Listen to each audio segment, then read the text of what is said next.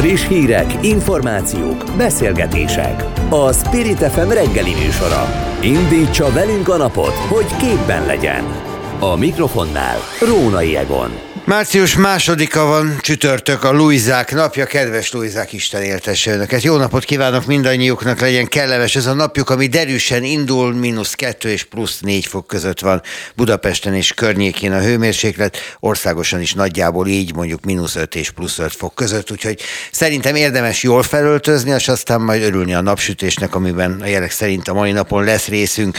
Mondom, hogy mik a témák az előttünk álló időszakban itt az aktuálban. Beszélünk arról, hogy csökkent az az építési kedv a beruházások száma, vagy az építési képesség, majd azt mindjárt meg fogjuk tudni. Aztán beszélünk arról, hogy vajon miért olyan problémás Magyarország számára, magyar kormány vagy a magyar parlament számára a két ország, a finnek és a svédek NATO csatlakozásának, ugye miközben az összes többi NATO tagállam Törökország kivételével már réges-régen elfogadta.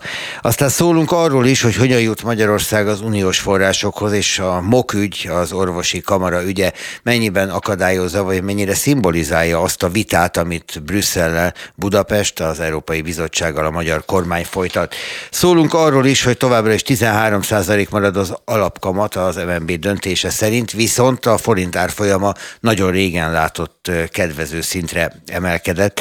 Erről is beszélünk majd, akikkel pedig Madár Istvánt hívjuk ezügyben, az előzőek témájában pedig Újhely Istvánt, Vadai Ágnest és pillanatokon belül Koi Lászlót. Spirit FM 92.9 A nagyváros hangja. 2022 negyedik negyedévében 6,3%-kal csökkentek a beruházások, olvasható a KSH szerdai jelentésében. Miként hat ez az építőiparra? Milyen helyzetben van most az ágazat? Koi Lászlót, az Építési Vállalkozók Országos Szakszövetségének elnökét kapcsoljuk. Jó reggelt kívánok! Ugye a bejátszóból nem derült ki, az előzőekből azt hívjuk bejátszónak, de ezt a hallgatók már tudják. Szóval nem derült ki, hogy az építőiparról van alapvetően szó, pedig de arról. Örülök, hogy itt van velünk. Jó reggelt kívánok! Az Építési Vállalkozók Szövetségét vezeti. Mekkora volt az elmúlt időszakban, főleg az elmúlt év elején a pánik az építési vállalkozók körében, amikor valami irgalmatlan, drága lett minden hirtelen, viszont még hiány is volt. A múlt év elején nagy volt a pánik, nem csak nálunk, hanem a megrendelőknél is, és elsősorban a lakossági megrendelőnél, mert igazándiból áru akadozás volt, beszerzési nehézségek voltak, és azért az év egészében körülbelül egy olyan 25%-os volt az átlagos infláció az építési piacon, az építési termékek és a szolgáltatások ára átlagosan ennyivel növekedett. És attól aggódtunk, hogy eh, ahogy megyünk az évbe előre, hát eh, rohamosan fognak eh, csökkenni a munkáink. És így lett? Valójában az út-vasút mélyépítés területén egyértelműen, ugye azok a cégek, akik ebből a munkából élnek meg, önálluk a finanszírozás nagy részt uniós forrásból történik, és ezek a pénzek bizony a múlt évben nem jöttek. Aztán az egész ágazatra valamikor novembertől lett az jellemző, hogy folyamatosan csökkent a rendelésállomány, az előző évhez képest. Jelenleg körülbelül 10%-kal kevesebb az építőipar rendelésállománya, mint egy évvel korábban volt, és ezen belül ezeknek a cégeknek, akiket úgy is szoktunk mondani, hogy mélyépítéssel foglalkoznak, rosszabb a helyzete. Ugye itt állami beruházások felfüggesztéséről beszélünk elsősorban, hogyha ennek az okait keressük. Lázár János ebben egészen kitűnő munkát végzett, gyakorlatilag egy sajtcédulára lejegyezte, hogy mit szeretne és mit nem tűr el. Hát lehet, hogy ilyen módon múlik Magyarországon azon, hogy az, hogy egy vállalkozás sikeres lehet, vagy nem. Vannak olyan vállalkozások már, amelyek komolyan bajba kerültek az elmúlt évi tendenciák miatt? Amikor fogy a megrendelés, azt ugye a, mondjuk úgy, hogy az építésgazdasági értéklánc elején lévő vállalkozások érzik meg leginkább, tehát a tervező cégek azok, akiknek lényegesen kevesebb a munkája, mert ugye akkor csökken az előkészítése a különböző projekteknek, és akik a legvégén érzik meg, azok a szakiparosok, szerelőiparosok, mert ők vannak benne a folyamatban lévő munkák befejezésében. Mennyien dolgoznak magyarok a magyar építkezéseken? Mert kérdezem ezt másképp, találnak-e magyar dolgozót, szakiparost, vagy külföldről kell már inkább hozni? Az elmúlt években, hiszen évről évre összehasonlítható áron 10-15%-kal kellett, hogy az építőipar növelje a teljesítményét, ez sajnos elsősorban eh, extenzív módon tette, vagyis eh, kereste a pótlagos erőforrásokat, így az év elején körülbelül 400 ezer ember foglalkoztat az építőipar, de a Covid és egyéb körülmények között más ágazatokból átvett munkásokat, mert hogy az építőipar folyamatosan tudott dolgozni, valójában be se tanított segédmunkásnak kell neveznünk, tehát megszaporodott a építőipari szakmához nem vagy kevésbé értő kollégák száma a durván 400 ezeren belül, közel 40 ezer embert vettünk föl mi 2019-hez képest, és ebben a körülményekben azt lehet mondani, hogy a hatékonyság sem javult úgy, mint szerettük volna, tehát a lényeg, hogy szakmunkásból és mérnökből továbbra sincs elegendő, segédmunkással pedig jól el vagyunk látva. Hmm. Ez azért szomorú, mert hogy az elmúlt 30 évben lett volna lehetőség arra, hogy egy felfutó építőipar megteremtse magának a, a szakképzési hátteret. Nyilván nem feltétlenül az építőipari vállalkozások dolga lenne ez, hanem ez kifejezetten oktatásszervezési kérdés.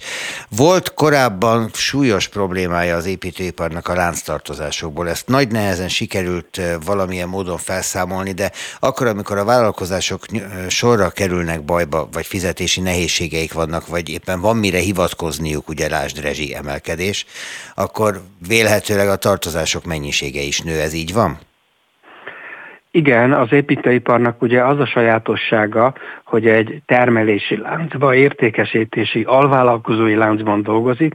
Ezek elég hosszú láncok, és hogyha ebbe a láncolatban, ami egyben fizetési láncolat is valaki megbicsaklik, akkor ugye az összes többi nincs kifizetve.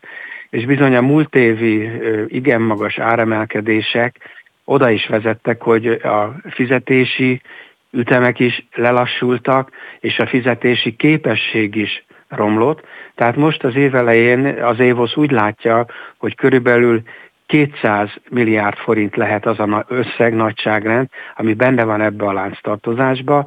Ez azt jelenti, hogy három éven belül valószínűleg nem kerül kifizetésre, és az a kérdés, hogy ki mennyi tartalékot tudott gyűjteni, hogy ezt a fizetési körülményt tudják kezelni, vagy nem. Na de ami három év alatt nem jön be, az véletlenül az életben soha nem érkezik meg. Igen, szóval a cégek azt mondják, hogy a lánctartozásba kerülő összegeknek a fele az életben nincs kifizetve, és hogy ezt talpon maradva tudja valaki túlélni, vagy pedig másképpen, hát ugye itt ez a nagy kérdés. A Megyeri híd ügye volt az, ami ezt egészen látványossá tette és felhozta a felszínre, hogy hogyan nem fizetik ki a vállalkozók a kisebb vállalkozásokat hivatkozva a láztartozásra, és hogy ez milyen problémákat okoz az út végén a munkaerő számára, amely munkaerőt szintén nem fizetik ki. Ez is megjelent már? Ilyen mélységű fizetési problémát egyelőre én nem látok, de annó a Megyeri híd körüli botrányokat a legfiatalabb generációnak is tanítjuk, hogy azt hogyan lehetne elkerülni. Na hogyan? Akkor mondjad egy mondatot. Tudom, hogy ne, nem egy mondat a, a dolognak a kifejtése, Val- Valójában egy, egy hogy kiegyensúlyozott szerződésre lenne szükség, ahol a fizetési kötelezettség éppen úgy megjelenik, mint a teljesítési kötelezettség, és a kölcsönös garanciák nem igazán szoktak működni. Tehát a fizetési megrendelői oldalon, ha valaki nem fizet, lényegesen kisebb szankciók és feszültségek mellett tudja ezt megtenni.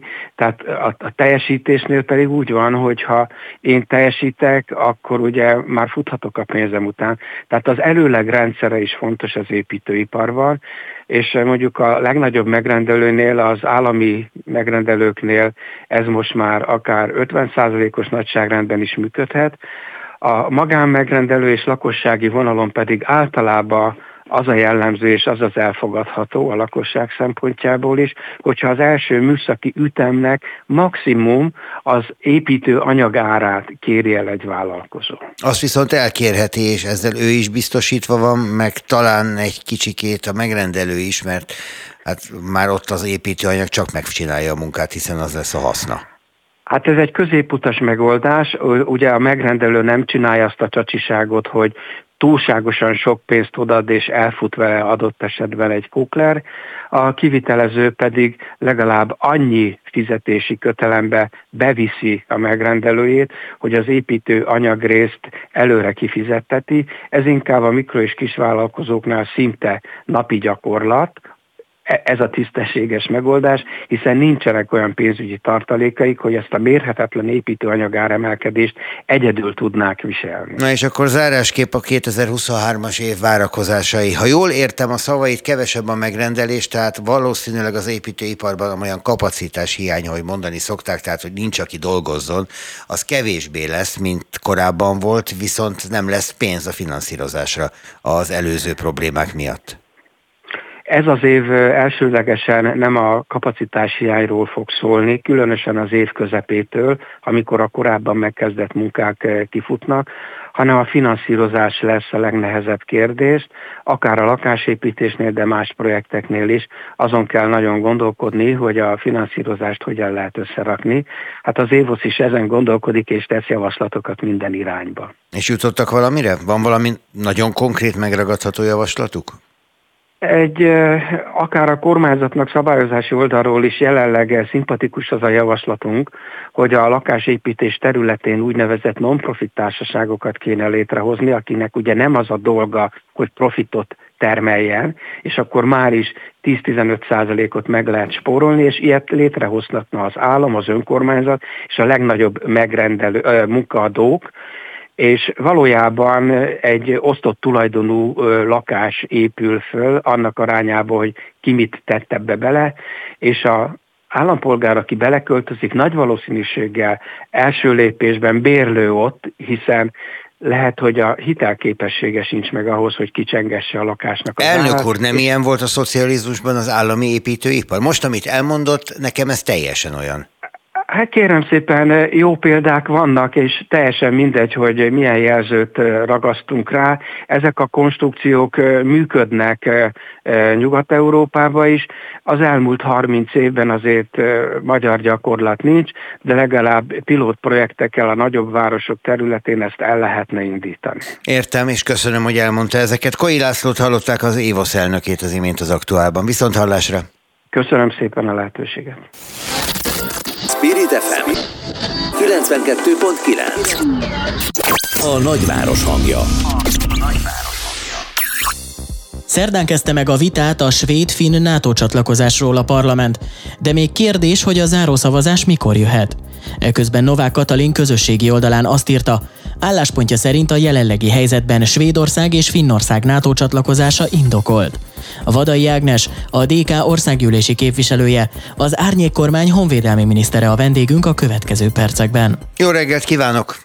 Jó reggelt kívánok! Jól értem a helyzetet, eljutottunk addig a pontig, vagy jól feltételezem, hogy egyetért a köztársasági elnök asszonynal?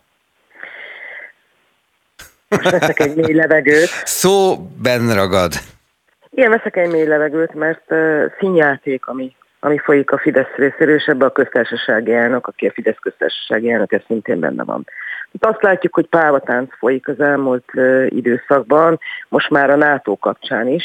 Ebben a pávatánc jó oldalán nyilvánosan a miniszterelnök és a köztársasági elnök van, akik azt mondják, hogy kell ez a csatlakozás, támogatni kell, sürgetik.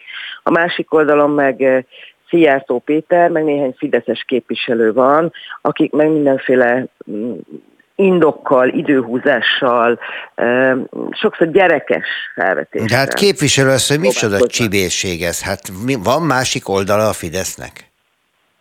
Báva táncban feltétlenül. Ezt csinálták folyamatosan az elmúlt években az Európai Unió kapcsán, ami szomorú, De ami még ennél is szomorúbb és nyugtalanítóbb számomra, hogy a NATO tagságunk és a NATO-ban való együttműködés kapcsán is ugyanez a pávatánc kezdődött el, már egyébként tavaly február-március környékén, és most arra a finn és a svéd csatlakozás kapcsán pedig egészen elképesztő, hogy milyen indokokat találtak ki eddig az időhúzásra. Tehát nagyon elfoglalt a parlament az Európai Uniós források miatt, ezért nem lehetett tárgyalni, de közben természetesen mindenféle nemzetközi egyezménnyel foglalkozott az országgyűlés. Aztán is volt egy hosszú téli szünet, sokkal hosszabb, mint ami megszokott, hiszen december elején befejezte az ülésezést az országgyűlés, és február végéig nem ülés. Hát nem volt hát, téma a költségvetés, meg NATO, meg ezek nem hát, okoztak ilyen nem, fennakadást. Nem, nem, nem olyan fontos dolgok. Így. És aztán jött a társadalmi vita, érdekes módon egészségügyi oktatásrendszerről, vagy éppen a honvédeltség személy, személyi átalakításáról nem igényeltek társadalmi vitát, Finnország és Svédország NATO csatlakozásáról, két olyan ország csatlakozásáról, amely országok egyébként szövetségeseink a NATO-ba, és szövetségeseink itthon, mert Svédországgal nagyon komoly haditechnikai együttműködés van, Finnországgal pedig szintén van pápán együttműködésünk, és ezen kívül EU-s NATO-s együttműködésbe is. Hát meg a gripeneket hogy meg tudtuk venni a svédektől? Így van, tehát van ilyen indok. És akkor jött tényleg a leggyerekesebb, a legsekélyesebb indoklás, hogy a miniszterelnökkel a Fidesz frakció tagjai szembe mennek ebben a kérdésben. Bocsásson meg, hogy ezt mondom, elég régóta ismerem a fideszes képviselők jelentős részét. Ők ahhoz is engedélyt kérnek, hogy kérdezzenek Orbán Viktortól, nem hogy vitatkozzanak vele. És a tegnapi napon derült ki igazán, hogy... Akkor Orbán Viktor mondta nekik, hogy legyetek kedvesek vitatkozni? Persze.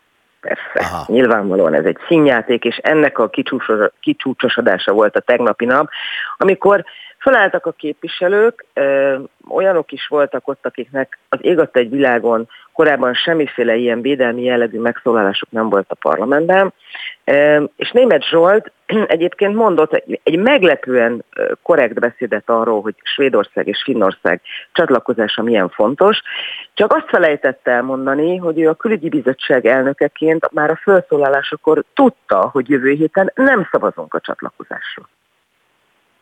Ennek van valamiféle technológiai, technikai akadálya, vagy egész egyszerűen csak mert nem? Szándékosan a házszabály a lehetőségeket eh, kihasználva a Honvédelmi és Rendészeti Bizottság is tárgyalja ezt a nemzetközi szerződést. A nemzetközi szerződést nem tárgyalt ilyen típusút soha a Honvédelmi és Rendészeti Bizottság, és ezzel megnyílt a lehetőség arra, hogy jövő héten a bizottságokban is lefolytatódjon a tárgyalás. Amivel kapcsolatban meg nyilván azt lehet mondani mindenfajta külföldi érdeklődő felé, hogy a magyar parlament végzi a munkáját, amint ezzel a munkával végez, szavazás lesz és. Igen, a probléma az az, hogy az elmúlt hét hónapban ezt a feladatot el lehetett volna végezni. De nem végezték el. Ugyanígy az elmúlt hét hónapban a magyar kormány és a kormánypárti képviselők egyetlen alkalommal sem emeltek kifogást Finnország és Svédország ellen. Ellenben tegnap tényleg mint egy sirató kórus, a Fideszes és KDNP-s képviselők sorolták, hogy finn és svéd politikusok milyen csúnyákat mondtak a kormány. Na de hogy jön ez ide? Hát ez két hát- különböző dolog, tehát meg lehetek én sértve azért, mert csúnyákat mondanak az én kormányomról, és van egy NATO kötelezettségünk, ami meg egy másik történet. És van egy De hogy jön ez ide tényleg? És van egy szilárd elkötelezett NATO tagság, amelyet Magyarország polgárai támogatnak, és ez a folyamat, ami az elmúlt hét hónapban zajlott a kormánypárti képviselőknek és nyilván a kormánynak köszönhetően, mérhetetlen módon alássa Magyarország hitelességét a NATO-ban. Sokszor elmondtam, Brüsszelben lehet magányosnak lenni, a NATO-ban nem. Márpedig Magyarország a magyar kormány tevékenységének köszönhetően rendkívül magányos a NATO-ban.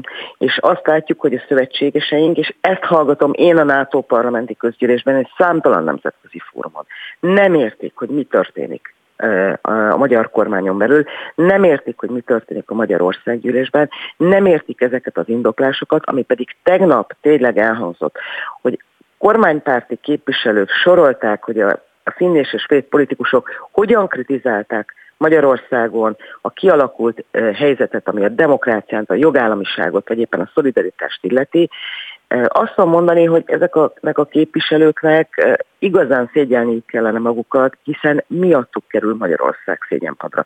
A De a svéd képviselők mikor sorolták a svéd parlamentben azokat a mondatokat, amik mondjuk a Covid-válság kezelése kapcsán Magyarországon, Svédországgal kapcsolatban elhangzottak? Tehát, hogy itt, itt ezt, ezt lehet játszani, csak ennek mi értelme van? Természetesen, ezért mondom, hogy ez a tegnapi nap volt, az tényleg az a, a, a, a szín darabnak a, a, még nem mondom, hogy a végkifejletem, mert még két hét van hátra, és azért a Honvédelmi és Rendészeti Bizottságának Kósor szimplán lehazaárulózott engem a, a vita kapcsán, amit nem nagyon értettem, nyilván azt se tudta, hogy hol van, és hogy milyen témáról beszélgetünk.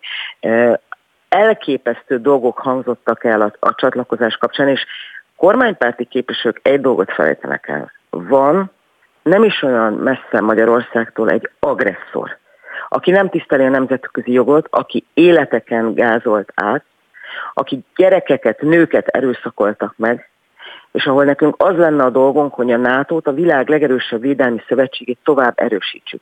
Finnország és Svédország csatlakozása a NATO-hoz Magyarország biztonsági eh, helyzetét is javítja, a garanciális rendszerünket erősíti ez nem számít. Csak az számít nekik, hogy gyerekes módon elvették az ő homokozó lapátjukat, csúnyákat mondtak rájuk a homokozóba. De még el sem vették a lapátot, csak azt mondták, hogy be-be-be. Tehát, hogy még, még az sem történt, hogy a lapátot elvették. De, Hiszen a lapát most is náluk van. És most azt gondolják ezek a képviselők, hogyha ezt a játékot űzik, akkor ezzel az ő elismertségük, illetve Magyarország pozíciója erősebb lesz. Rossz hírem van sajnálatos módon Magyarország pozíciója az euróatlanti térségbe minden egyes nappal és minden egyes ilyen megszólalással gyengébb lesz. Alássák, még egyszer mondom, a hitelességünket a nato És ezt, ezt már nem tudja ellensúlyozni ez a kiváló katonai munka amit a Magyar Honvédség állománya elvégzett az elmúlt. Nem tudom, képviselő azt, hogy emlékszik-e arra az utóbbi tíz évből, hogy volt-e olyan törvényjavaslat, amelynek az elfogadásához hét hónap nem volt elég. Én most felnőm a hallgatók figyelmét, majd beszélünk is róla a mai reggelen is, hogy a Magyar Orvosi Kamarával kapcsolatos törvénymódosítás gyakorlatilag 24 óra alatt született, meg került be és fogadta el a parlament.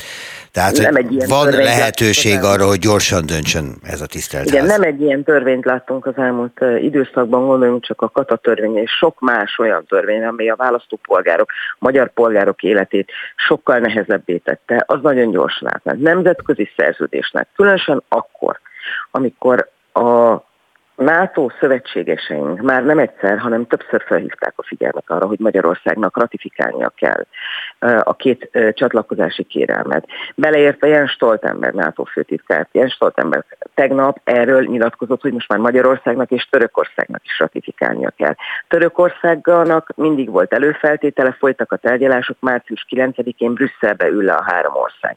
A NATO főtitkár és a NATO tagországok szerint a két csatlakozni kívánó ország teljesítette a feltételeket. De a magyar kormány soha semmilyen feltételt nem szabott. Nem is szabhatott volna ennek a két országnak, hiszen semmilyen olyan kritérium nincsen, amely alapján Finnország és Svédország ne tudna csatlakozni a nato -hoz. Most a magyar parlament tényfeltáró küldöttséget küld az északi államokba, Svédországba Igen, és Finnországba. Milyen tényt óhajtanak feltárni, ez kiderült? Nem tudom. Annyit tudunk, hogy a jövő héten megy ez a delegáció. Az, hogy parlamenti delegáció, azt nem tudjuk, hiszen egy egyelőre két tagját ismerjük, Hende Csaba és Német Zsolt. Én feltételezem, hogy Finnországban a finn oktatási rendszert kívánják tanulmányozni, Svédországban pedig a férfi-női egyenjogúság kérdését például pér tekintetében. Ha ezeket a tapasztalatokat hazahozzák a magyar kormánynak, az nagyon hasznos lesz, azt gondolom. Badai Ágnes a DK országgyűlési képviselője, a NATO bizottsági elnöke volt a vonalban. Köszönöm szépen, viszont hallásra. Én is köszönöm, további szép napot, viszont hallásra.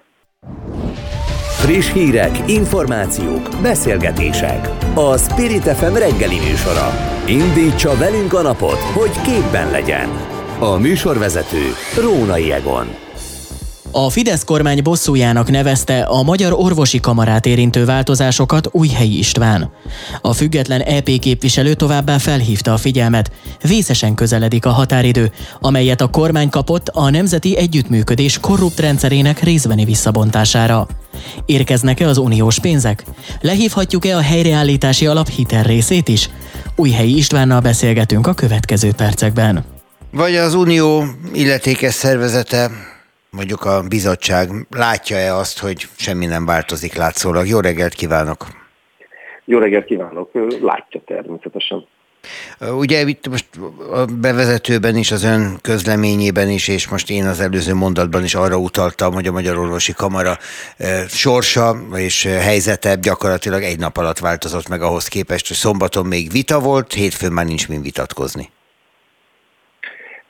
És pontosan ezt kritizálom, mert hogy azon lehet vitatkozni, hogy bármilyen szakma szempontjából a kötelező kamarai tagság az egy szükséges dolog vagy sem. A vállalkozások uh, például folyamatosan vitatkoznak rajta, hogy mire fizetik az 5000 forintot, amikor semmit nem kapnak látszólag érte. Ezt akartam a... mondani, hogy az, hogy egy, ahogy a kollégák fogalmaztak nekem, egy kutya fodrászat kis családi vállalkozása, össztársadalmi szempontból is érdekből kell hogy kötelező kamarai tag legyen, ez szerintem is egy, egy vita kérdés. De hogy az orvosi társadalom a mi szempontunkból, akik az egészségügyhez fordulunk, hogy ott kell -e egy ilyen köztestület, amelyik egyébként biztosítja a számomra, hogy aki orvosként odalép, az nem egy kuruzsló, nem vonták be az engedélyét, nem követett el olyan visszaéléseket, amelyek miatt én nem bízhatok benne. És hogyha egyébként az orvostársadalomban bárki a munkáját nem tisztességesen végzi, ott egy kamarai etikai eljárás alá móható, számomra egyébként evidens. Tehát az orvostársadalomban kell, hogy legyen egy kötelező. Akkor itt most egy pillanatra érdemes megállnunk, várjon egy másodpercre képviselő úr. Ön akkor volt MSZP elnökségi tag, a párt különböző tisztségviselője, alelnöke, amikor pont megszüntette az előző a időszakban a Gyurcsány kormány a kötelező orvoskamarai tagságot. Ezért is mondtam, hogy... Akkor, akkor nem szólt érte, ha jól sejtem, vagy ha jól emlékszem. Ő nem volt szakterületem, nyilván parlamenti képviselőként. De hát most sem szakterülete, politikusként van erről egy véleménye. Annyiban most már szakterületem, hogy az Európai Egészségügyi Unió felelős politikusaként hosszú évek óta foglalkozom az egészségügy fejlesztésével, ellátási minőségével, a betegek biztonságával, és meggyőződésem, hogy szüksége van az egészségügyhöz forduló társadalomnak és az egészségügy dolgozóknak erre a kamarára. E, ezért is mondtam, hogy... Akkor hiba volt ez régen is, hogy, hogy ez a kamarai tagság kötelező jelleggel megszűnt? Ezen azt mondja, hogy ez mindig is hiba? Szerint, álláspontom szerint igen. Uh-huh. Ugyanakkor arra emlékezzünk vissza, hogy abban az időben erről hosszú, társadalmi szakmai egyeztetést folytatott a kormányzat, és volt egy filozófiája, hogy az akkori SZDSZ-es miniszter ezt a javaslatot miért fogalmazta meg. Hát gondolom filozófiát Ezért most is lehet mögé rakni. Az mindig minden mögébe fér.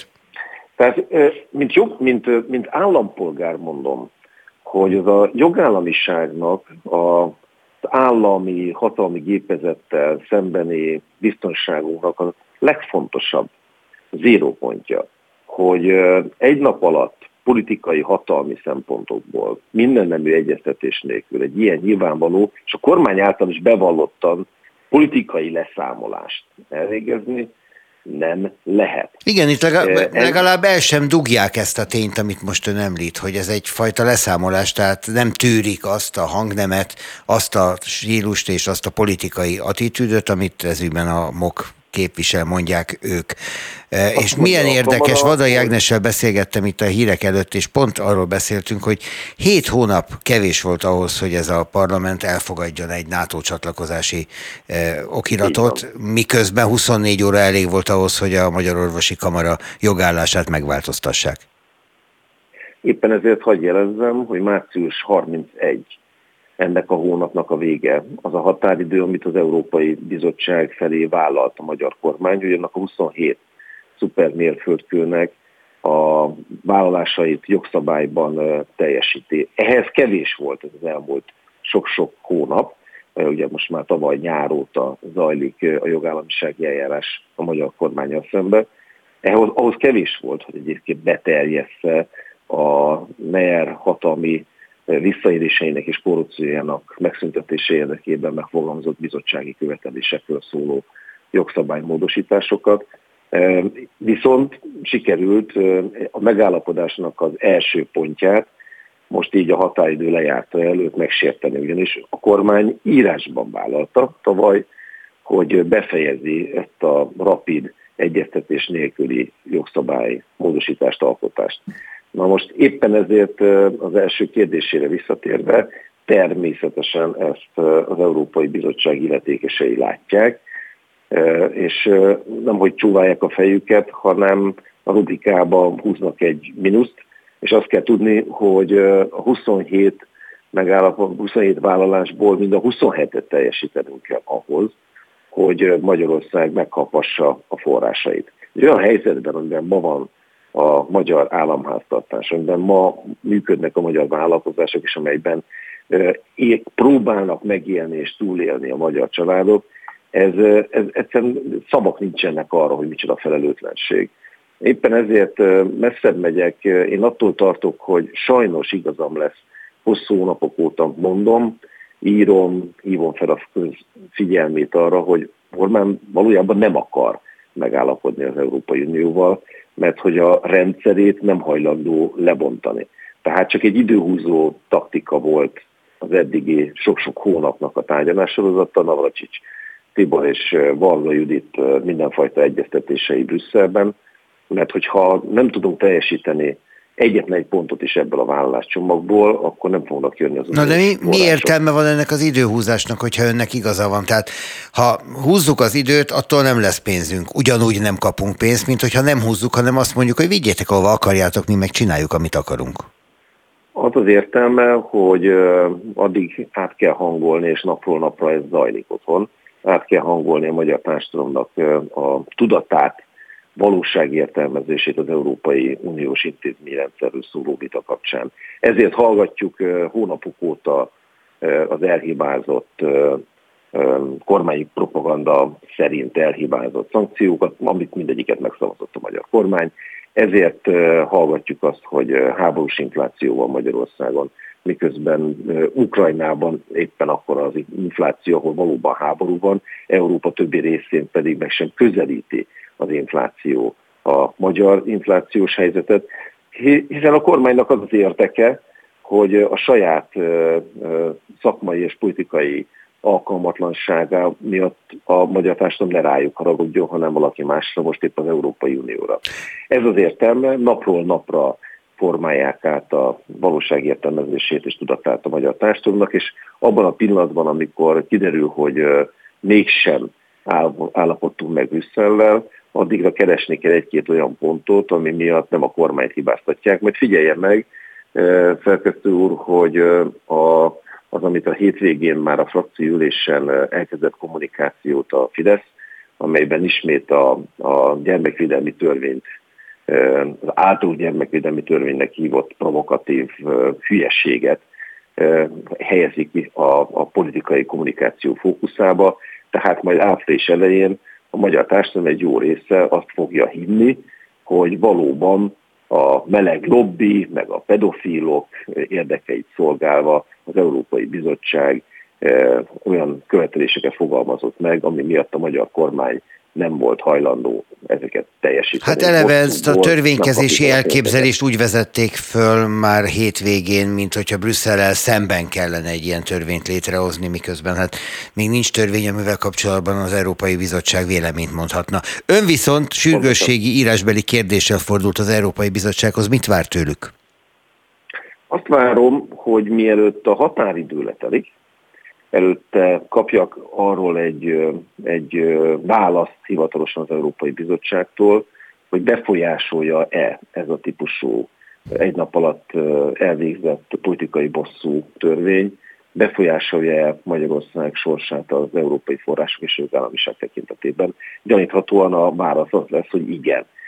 És ezt a kormánynak is látnia kell, mert pontosan érzékelniük szükséges, hogy az Európai Uniós intézmények, amelyek a mi, az ön, meg az én, meg a rádióhallgatók állampolgári érdekeit védik egy galád kormányzati hatalom, nem nézi el az ilyen típusú megoldásokat. Nem tudtam még tegnap, tegnap előtt, hogy egyébként a köztársasági elnökasszony ilyen sietősen ráér arra, hogy gyorsan ezt a jogszabályt alá is írja. Azt gondoltam, hogy talán eltelik egy-két hét, és mondjuk benne megszólal egy vészcsengő, és ezzel visszaküldi a parlamentnek ezt a, a törvénymódosítást, de hát hogy ez ma reggel is ír, hogy Novák Katalin, mondom, a tanérzezes férjének adott családi vacsora után gyorsan aláírta ezt a jogszabályt. Hát a köztársasági elnök vacsora szokásairól nincs információnk, de kétségtelenül aláírta a törvényt. Újhely István, köszönöm szépen! Köszönöm szépen, igyekszem továbbra is itt az egészségügy kapcsán az Európai Egészségügyi Unió felelőseként figyelembe kísérni arra, hogy azt, hogy mi történik Magyarországon az egészségügyel. Ez így aggasztó. Viszont hallásra! Spirit FM 92.9 A nagyváros hangja. Továbbra is 13% marad az alapkamat, és a kamat folyosó sem változik, döntött a Magyar Nemzeti Bank monetáris tanácsa február 28. ülésén. Miként hat ez a gazdaságunkra? Erről kérdezzük Madár István közgazdászt, a Portfolio.hu elemzőjét. Hát sokan azt remélték, akik hitelre vágynak, hogy kicsit lejjebb megy ez az alapkamat, sokan azt remélték, akik pedig az ország gazdasági helyzetéért aggódnak, hogy így marad. Legalábbis én nagyjából így olvastam, hogyha összegeznem kellene az elmúlt napok sajtóját. Madár István valóban a vonalban a Portfolio.hu elemzője. Szervusz István, jó reggelt kívánok! Szervusz, jó reggelt kívánok! Jól foglaltam össze?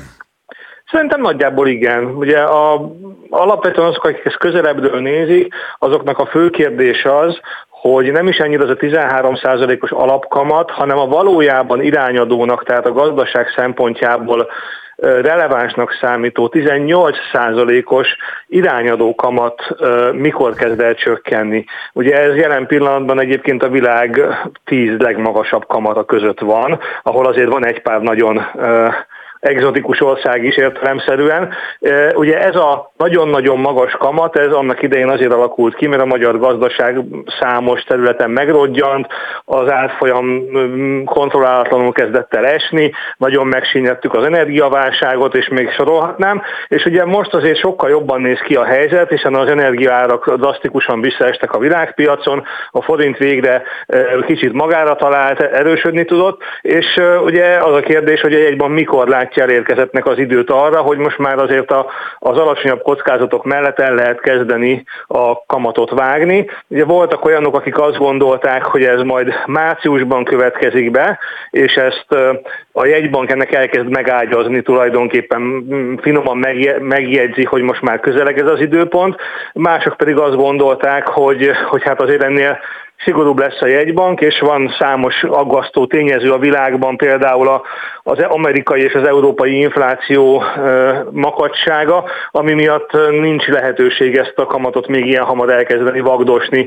Ugye ezzel kapcsolatban küldött különböző típusú üzeneteket a, a jegybank kedden, amik hát azért kicsit ellentmondásosak voltak, de azért alapvetően inkább az rajzolódott ki belőle, hogy a jegybank tényleg megmarad óvatos duhajnak, és lehet, hogy nem márciusban kezdi el a kamatcsökkentéseket. Ami nyilván abból a szempontból is izgalmas lesz, hogy hogy alakul az infláció, de abból a szempontból is, hogy hogy alakul a forint árfolyama, amire szokták, szoktátok mondani, hogy, hogy igazából nem csak ezen, hanem például az Európai Unióval folytatott húzavonán is múlik, hogy az milyen irányban dől el, és hogy az merre viszi majd a forintot, az egy összefüggő kérdés. Most például majd, hogy nem, az éves minimum felé haladt az elmúlt egy-két napban, ugye az 366 forint, most eljutottunk a 373-ig, éppen ma éjszaka hajnalban egy kicsikét gyengült, de még mindig abban a tartományban van. Mi vitte le a forint árfolyamát a 430-ról a 373-ig? Alapvetően azt gondolom, hogy három dolog. Az egyik az, hogy az energiárak, ahogy említettem, nagyon jelentősen csökkentek. Ez ugye azt jelenti, hogy a magyar gazdaságnak nem kell olyan óriási mennyiségű pénzt kitermelnie ahhoz, hogy meg tudja venni ugyanazt a mennyiségű gázt, áramot külföldről, amit ilyenkor szokott és ez önmagában is forint erősítő hatású. A másik tényező az, hogy valamikor tavaly decemberben és idén januárban az egész világ optimistábbá vált azzal kapcsolatban, hogy milyen gyorsan tűnik el az infláció a világból, és elkezdett mindenki azon gondolkodni, hogy talán a világ nagy jegybankjai sem lesznek olyan nagyon szigorúak. Ez ugye nekünk nagyon fontos, hiszen minden befektető a magyar kamatokat az amerikai meg az európai kamatokhoz méri. Ha ahhoz képest nekünk nincs meg az a kamat felárunk, ami a kockázatainkat tükrözi, az nyilván a forintot kevésbé teszi vonzóvá, és az gyengítheti a forintot. Ugye ezt fordítsuk, a... fordítsuk le a hétköznapi nyelvre, tehát ez nagyjából arról szól, hogy annak ellenére, hogy félünk attól, hogy mi lesz a magyar gazdasággal, még így is megéri odaraknunk a pénzünket, mert annyit fizetnek érte. Így van, pontosan, tehát akkor a befektetőnek az bármit megvesz idézőjelbe, ha megvan az ára. És ugye, hogyha kifizetik őt a, e, ezért a kockázatért, amit vállal, és a magyar gazdaság az most éppen ilyen, és ez a harmadik tényező, ez a 18%-os kamat olyan jelentős mennyiségű hozamot tud hozni a befektetők számára, hogy egyszerűen azt gondolják, hogy a csökkenő kockázatok mellett megéri ebbe a ebbe a magyar gazdaságba befektetni, kötvényeket vásárolni, vagy csak betenni a pénzt betétbe, és emiatt a forint iránti kereslet, külső kereslet, az megnövekedett, és ez, ez is hajtja tulajdonképpen most ilyen lendületesen a forintot. Tehát, hogyha jól értem a szavaidat, akkor az várható, hogy mert hogy a kamat maradt annyi, amennyi volt, tehát 13 hivatalosan 18 napi gyakorlatban, így aztán a forint árfolyama nem gyengülni fog, hanem talán tovább erősödik valamennyit. De ennek mi szabhat gátat, mert a gátakról is szoktak szoktatok beszélni.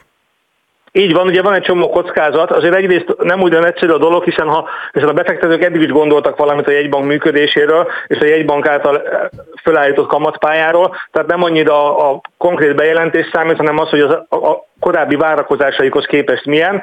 Ez egy kicsit talán szigorúbb volt ez a tegnap előtti bejelentés, ezért érthető, ahogy te is mondtad, hogy ezért egy kicsit tovább erősödött a forint, és hogyha így maradnak a kamatok, és a kockázatok nem csökkennek, vagy nem nőnek, akkor valóban ez a helyzet, hogy, hogy akár még erősödhet is tovább a forint. És de ahogy te mondod, valóban van egy csomó olyan kockázat, ami, ami bizony azért a magyar gazdaság szempontjából folyamatosan rizikót jelent, olyat, ami, ami kiábrándíthatja a befektetőket. Az egyik ilyen ugye nyilván továbbra is az energiaár. Azt gondolom, hogy ezzel kapcsolatban most talán optimistábbak lehetünk. Európa túl van ezen a nagy energiakrízisen, legalábbis a térre, és emiatt úgy néz ki, hogy nem nagyon kell attól tartanunk, hogy őrült elszállásokat mutasson újra a gázár.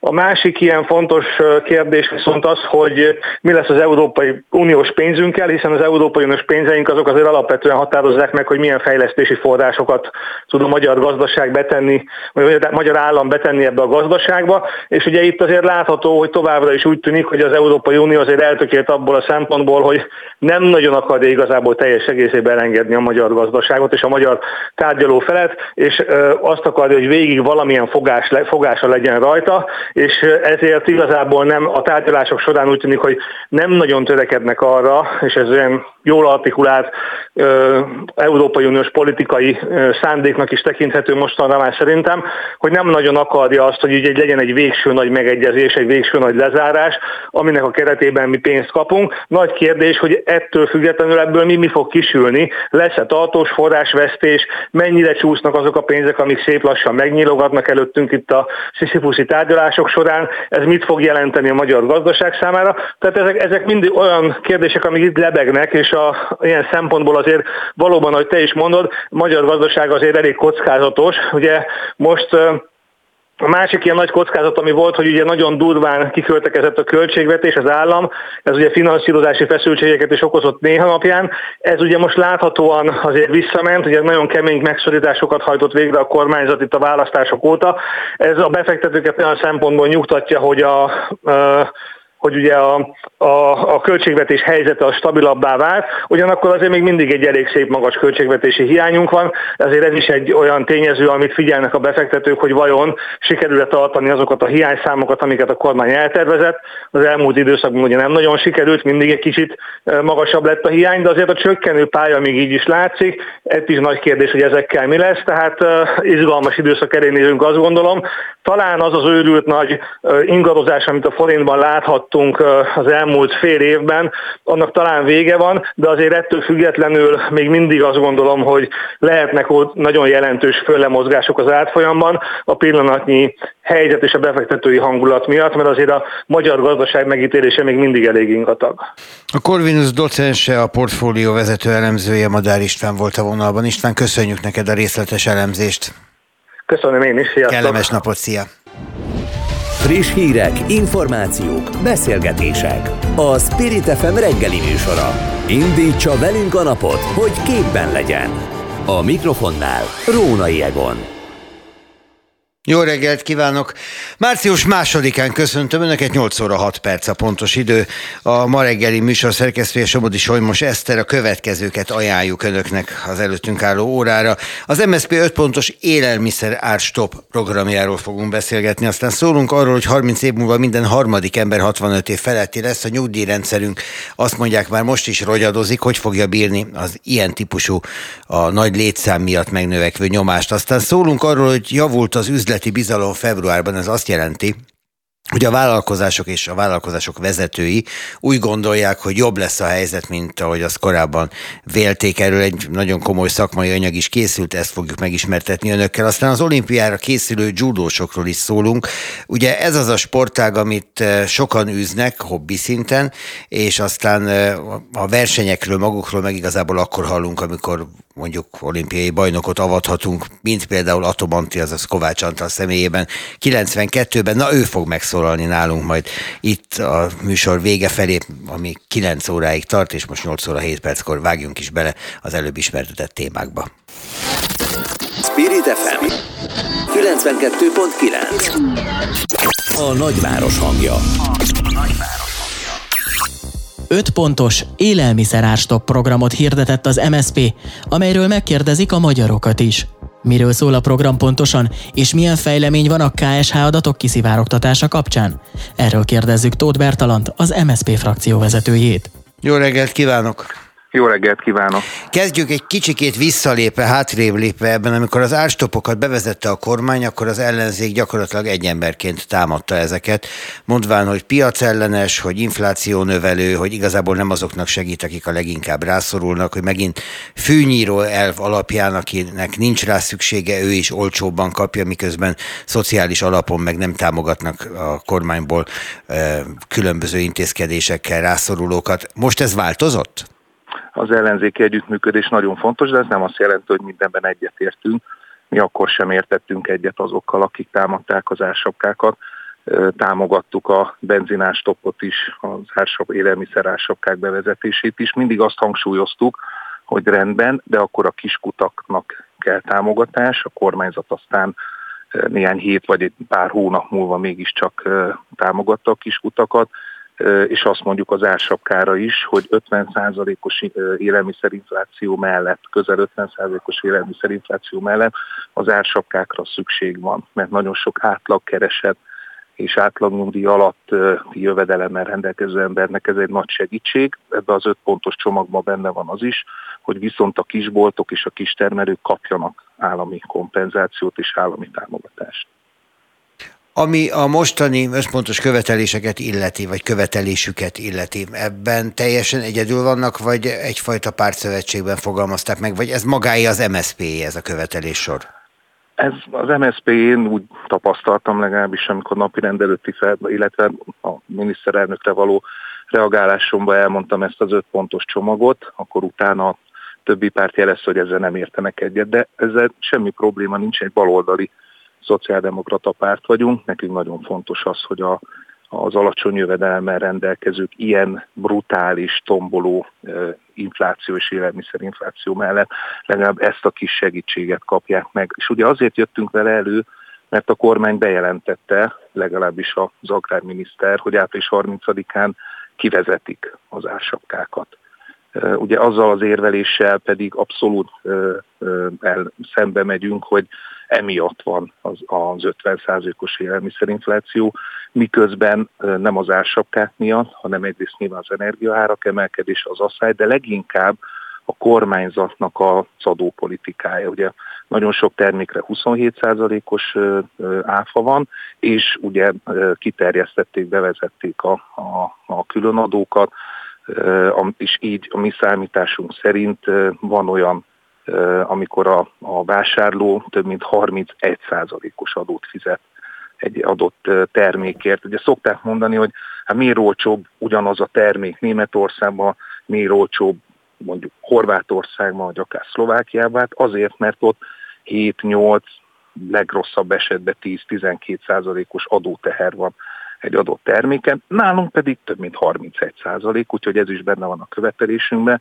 Egyrészt az alapvető élelmiszerek áfeja legyen nulla, legyen maradjanak meg az ársapkák, töröljék el ezt az extra adót a többi termékre, támogassák a kisboltokat, kistermelőket, ez egyrészt mérsékelni az inflációt, és nagyon nagy segítség lenne.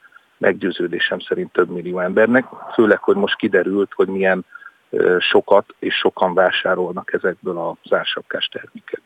Azt mondják, hogy az ársapkák kivezetése van éppen napirenden, és Sajnos. könnyen lehetséges, hogy egy bő hónap múlva ezek az ársapkás termékek piaci áron lesznek vásárolhatók, és azt is mondják, hogy ez nem azt fogja jelenteni majd, hogy a többi ára csökkenni fog, csupán csak annyit, hogy ezeknek az ára ugrik majd láthatóan föl. Így van, és szakértők azt is, hogy ezért nem értem azt, aki azt mondja, hogy az ársapkák miatt van inflá- ilyen magas infláció.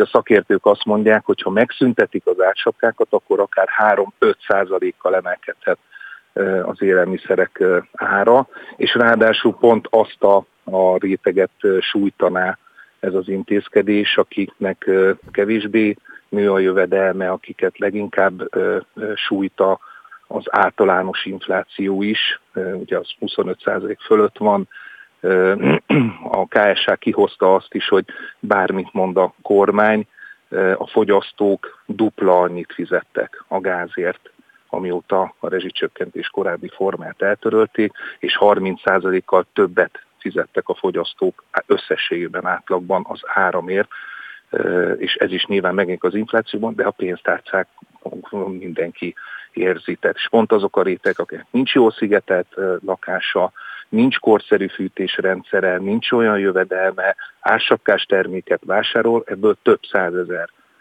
magyar ember van, kis nyugdíjas, kiskeresetű dolgozó ember, akiknek az ársapka most egy nagyon nagy segítség. Az a helyzet, hogy a magyar költségvetés, ez azért látszik a költségvetés az évi számaiból is nincs túlságosan fényes helyzetben, még hogyha ezt a kormányzat nem is hajlandó hangsúlyozni, és ez érthető is, hát melyik kormány beszél erről szívesen. Matolcsi György annál inkább. És amikor, amikor ezek a tételek ársapka, aztán mondjuk az élelmiszeráfa 0%-ra vitele felmerül, akkor általában ezzel ez a érv szokott szemben állni, hogy egyszerűen nem bírja el a költségvetés. Lát ön erre forrásokat?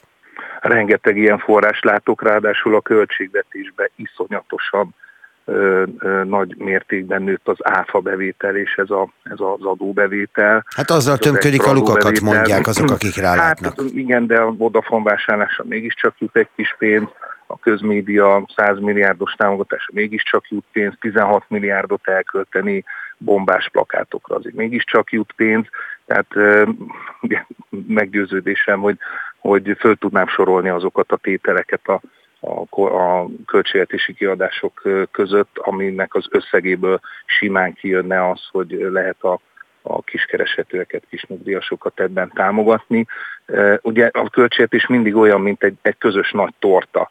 Tehát ott nyilván a, a, kormányzat most már szomorúan, tehát nem a parlament, a kormányzat rendeleti úton veszélyhelyzetbe dönti el, hogy ebből a közösből kinek juttat. És akkor fölmerül a kérdés, hogy tényleg a Mészáros Lőrinc féle informatikai cégnek megvásárolni a Vodafont, az, az érdemesebb, vagy nagyobb társadalmi haszonnal jár-e, mint mondjuk az alapvető élelmiszerek áfának az eltörése, de idehozhatnám a pedagógus béremelést is, ami, ami ugye e, mindig napi renden van. Éppen ezért az ársapkák megvédése miatt indítottuk ezt a kampányt, és az élelmiszerárstop.hu oldalra várjuk a, a véleményeket, és szeretnénk erőteljesen megtámasztani társadalmi támogatottsága ezt a követelésünket. Élelmiszerárstop.hu, ugye? Ezt Igen. mondta. Na jó, ezt most megjegyeztük. Köszönöm szépen, Tóth Bertalan beszélt az imént az aktuálban, az MSZP politikusa. Köszönöm, minden jót kívánok. Minden jót viszontlátásra. Spirit FM 92.9 A nagyváros hangja. A magyar lakosság száma csökken, 30 év múlva minden harmadik magyar 65 év feletti lesz. Fenyegete nyugdíjkatasztrófa? Miként készüljön a most aktívan dolgozó a nyugdíjas éveire? Karácsony Mihályjal, a nyugdíjas parlament elnökével beszélgetünk. Hát konkrétan itt van előttem egy cikk, amelynek a címe így szól, érik a magyar nyugdíjkatasztrófa. Ez túlzás? Egy jól hangzó címet kerestek? Jó reggelt! Jó reggelt kívánok, üdvözlöm a kedves hallgatókat is. Igen, az utóbbi napokban főleg a pénzügyi világhoz kötődő cikkek, portálok rendkívül komor képet festenek el a jövőre való tekintettel, mind ahogy ön is említette, de a napot hogyha kinyitjuk az a újságokat és a, a honlapokat, indokolatlanul ijeszgetik a nyugdíjasokat. Indokolatlan, mert az tény, hogy az nagyon komoly gond, hogy egyre kevesebb gyerek születik. De ez nem a nyugdíj szempontjából gond. Ez a magyar kultúra szempontjából, a magyar népesség szempontjából, a társadalmi eh, harmónia szempontjából. A nyugdíjasokkal szempontjából én nem látok semmi gondot, mert amíg, eh, eh, szóval a fő gond az, hogy az ország termelőképessége a termelő, termelő képessége az nagyon alacsony, 62% az EU átlagának, vagy, vagy nagyon alacsony a felsőfokú végzettségűek száma, vagy rohamosan csökken a szabadalmak, találmányok bejelentett találmányok és szabadalmak száma. Tehát ez a nagy gond, nem pedig az, hogy tehát a nyugdíjasok szempontjából az a fontos, hogy az ország elosztható javai növekedjenek. Az pedig nem a nem a 18.-19. századi extenzív munkaerő növekedésével érhető el, hanem a termelékenységgel, a versenyképességgel, a produktivitással. Hát ez pedig egy ország gazdaságának néhány mutatója, amit sorolt, és ráadásul Igen. egy hosszú távú hát, elképzelést hát, hát ez a, ez a gond. vázolni. Ugye erről az oktatáspolitika szokott sokat beszélni, és főleg azok, akik a magyarországi oktatást kritizálják, hogy nem erre felé fókuszálunk, hát hanem a bérmunkát próbáljuk kiszolgálni valamilyen módon. De most egy kicsikét messze jutottunk a nyugdíjaktól egy pillanat alatt, miközben persze minden mindennel összefügg. Tehát az állam jóléte, az állam bevétele, az állam elosztható vagyonának mennyisége az Így alapvetően befolyásolja a Ez- ez- nyugdíjasok ez- helyzetét is, nyilván. Itt amiről mi beszélünk, amikor arról beszélünk, és amikor arról írnak a, a portálok, hogy érik a magyar nyugdíjkatasztrófa, az nem egy jelenlegi helyzet, miközben sok nyugdíjas ma is katasztrofálisnak látja a helyzetét, hanem sok évtizedre előre tekintve látszik az, hogy a fogyó lélekszám egy növekedő, arányában növekedő nyugdíjas réteget lesz kénytelen ellátni, eltartani. Képes lehet erre az állam hosszú távon a jelenlegi tendenciákat figyelve? komoly gazdasági szakértő ilyet nem vizionál, hogy gondba lenne. A Magyar Nemzeti Bank is azt mondja, hogy 2050-ig ö, biztosítva látja a mai nyugdíjrendszer fenntartását. Tehát miközben az elmúlt 15 évben folyamatosan csökkent a lakosság, ugyanezin idő alatt folyamatosan nőtt a GDP. Tehát eh, a lakosság csökkenése és a felosztható javak között az ég egy világon semmi összefüggés nincs. Nem akarom ide, illetve mégiscsak ide idézem, Csányi Vilmos professzor úrnak van egy szellemes mondása, hogy inkább 5 millió okos, művelt és, és termelékeny ember, mint 10 millió ostoba, buta ember. Tehát eh, én azt gondolom, hogy a, a nyugdíjaknak semmi veszélye nincsen, a nyugdíjakat az állam ki tudja gazdálkodni, hiszen az előbbi riportban is hallottuk, hogy folyamatosan nő a bevétele. Azt kell világosan látni, hogy mondjuk egy havi nyugdíj az 470 milliárd forintba kerül az államnak. Oké. Okay. De ebből majdnem 35%-a egy hónapon belül bevételként meg is jelenik. Jövedéki adó, áfa, telekadó, különböző illetékek, stb. stb. Tehát ez nem csak teher, mi azt állítjuk, hogy a nyugdíjasok nem terhet jelentek egy társadalomnak, hanem erőforrást. Ezért a nyugdíjasok azzal, hogy rengeteg háztartási munkát, nem fizetett önkéntes munkát, hogy rengeteg vállalkozásba, munkátval ma is aktívan részesei a társadalomnak, ezek olyan pozitív mutatók, hogy mi nem látunk aggodalmat arra, hogy a nyugdíjak kifizetése akár középtávon is veszélybe kerül. Jó, akkor ezt pipáljuk ki. Nézzük egy másik aspektusból a nyugdíjkérdést az értéke tekintetében, mert ugye, hogy nyugdíjat fizet az állam, az egy dolog, de hogy az mit ér, hogy mennyi az a nyugdíj, hogy abból meg lehet-e valóban élni, és hogy azt az életszínvonalat, amihez hozzászokott egy eh, adófizető, azt már nyugdíjasként hogyan tudja fenntartani. Igazából a nyugdíjat ez minősíti, ez teszi értékessé és valamilyenné.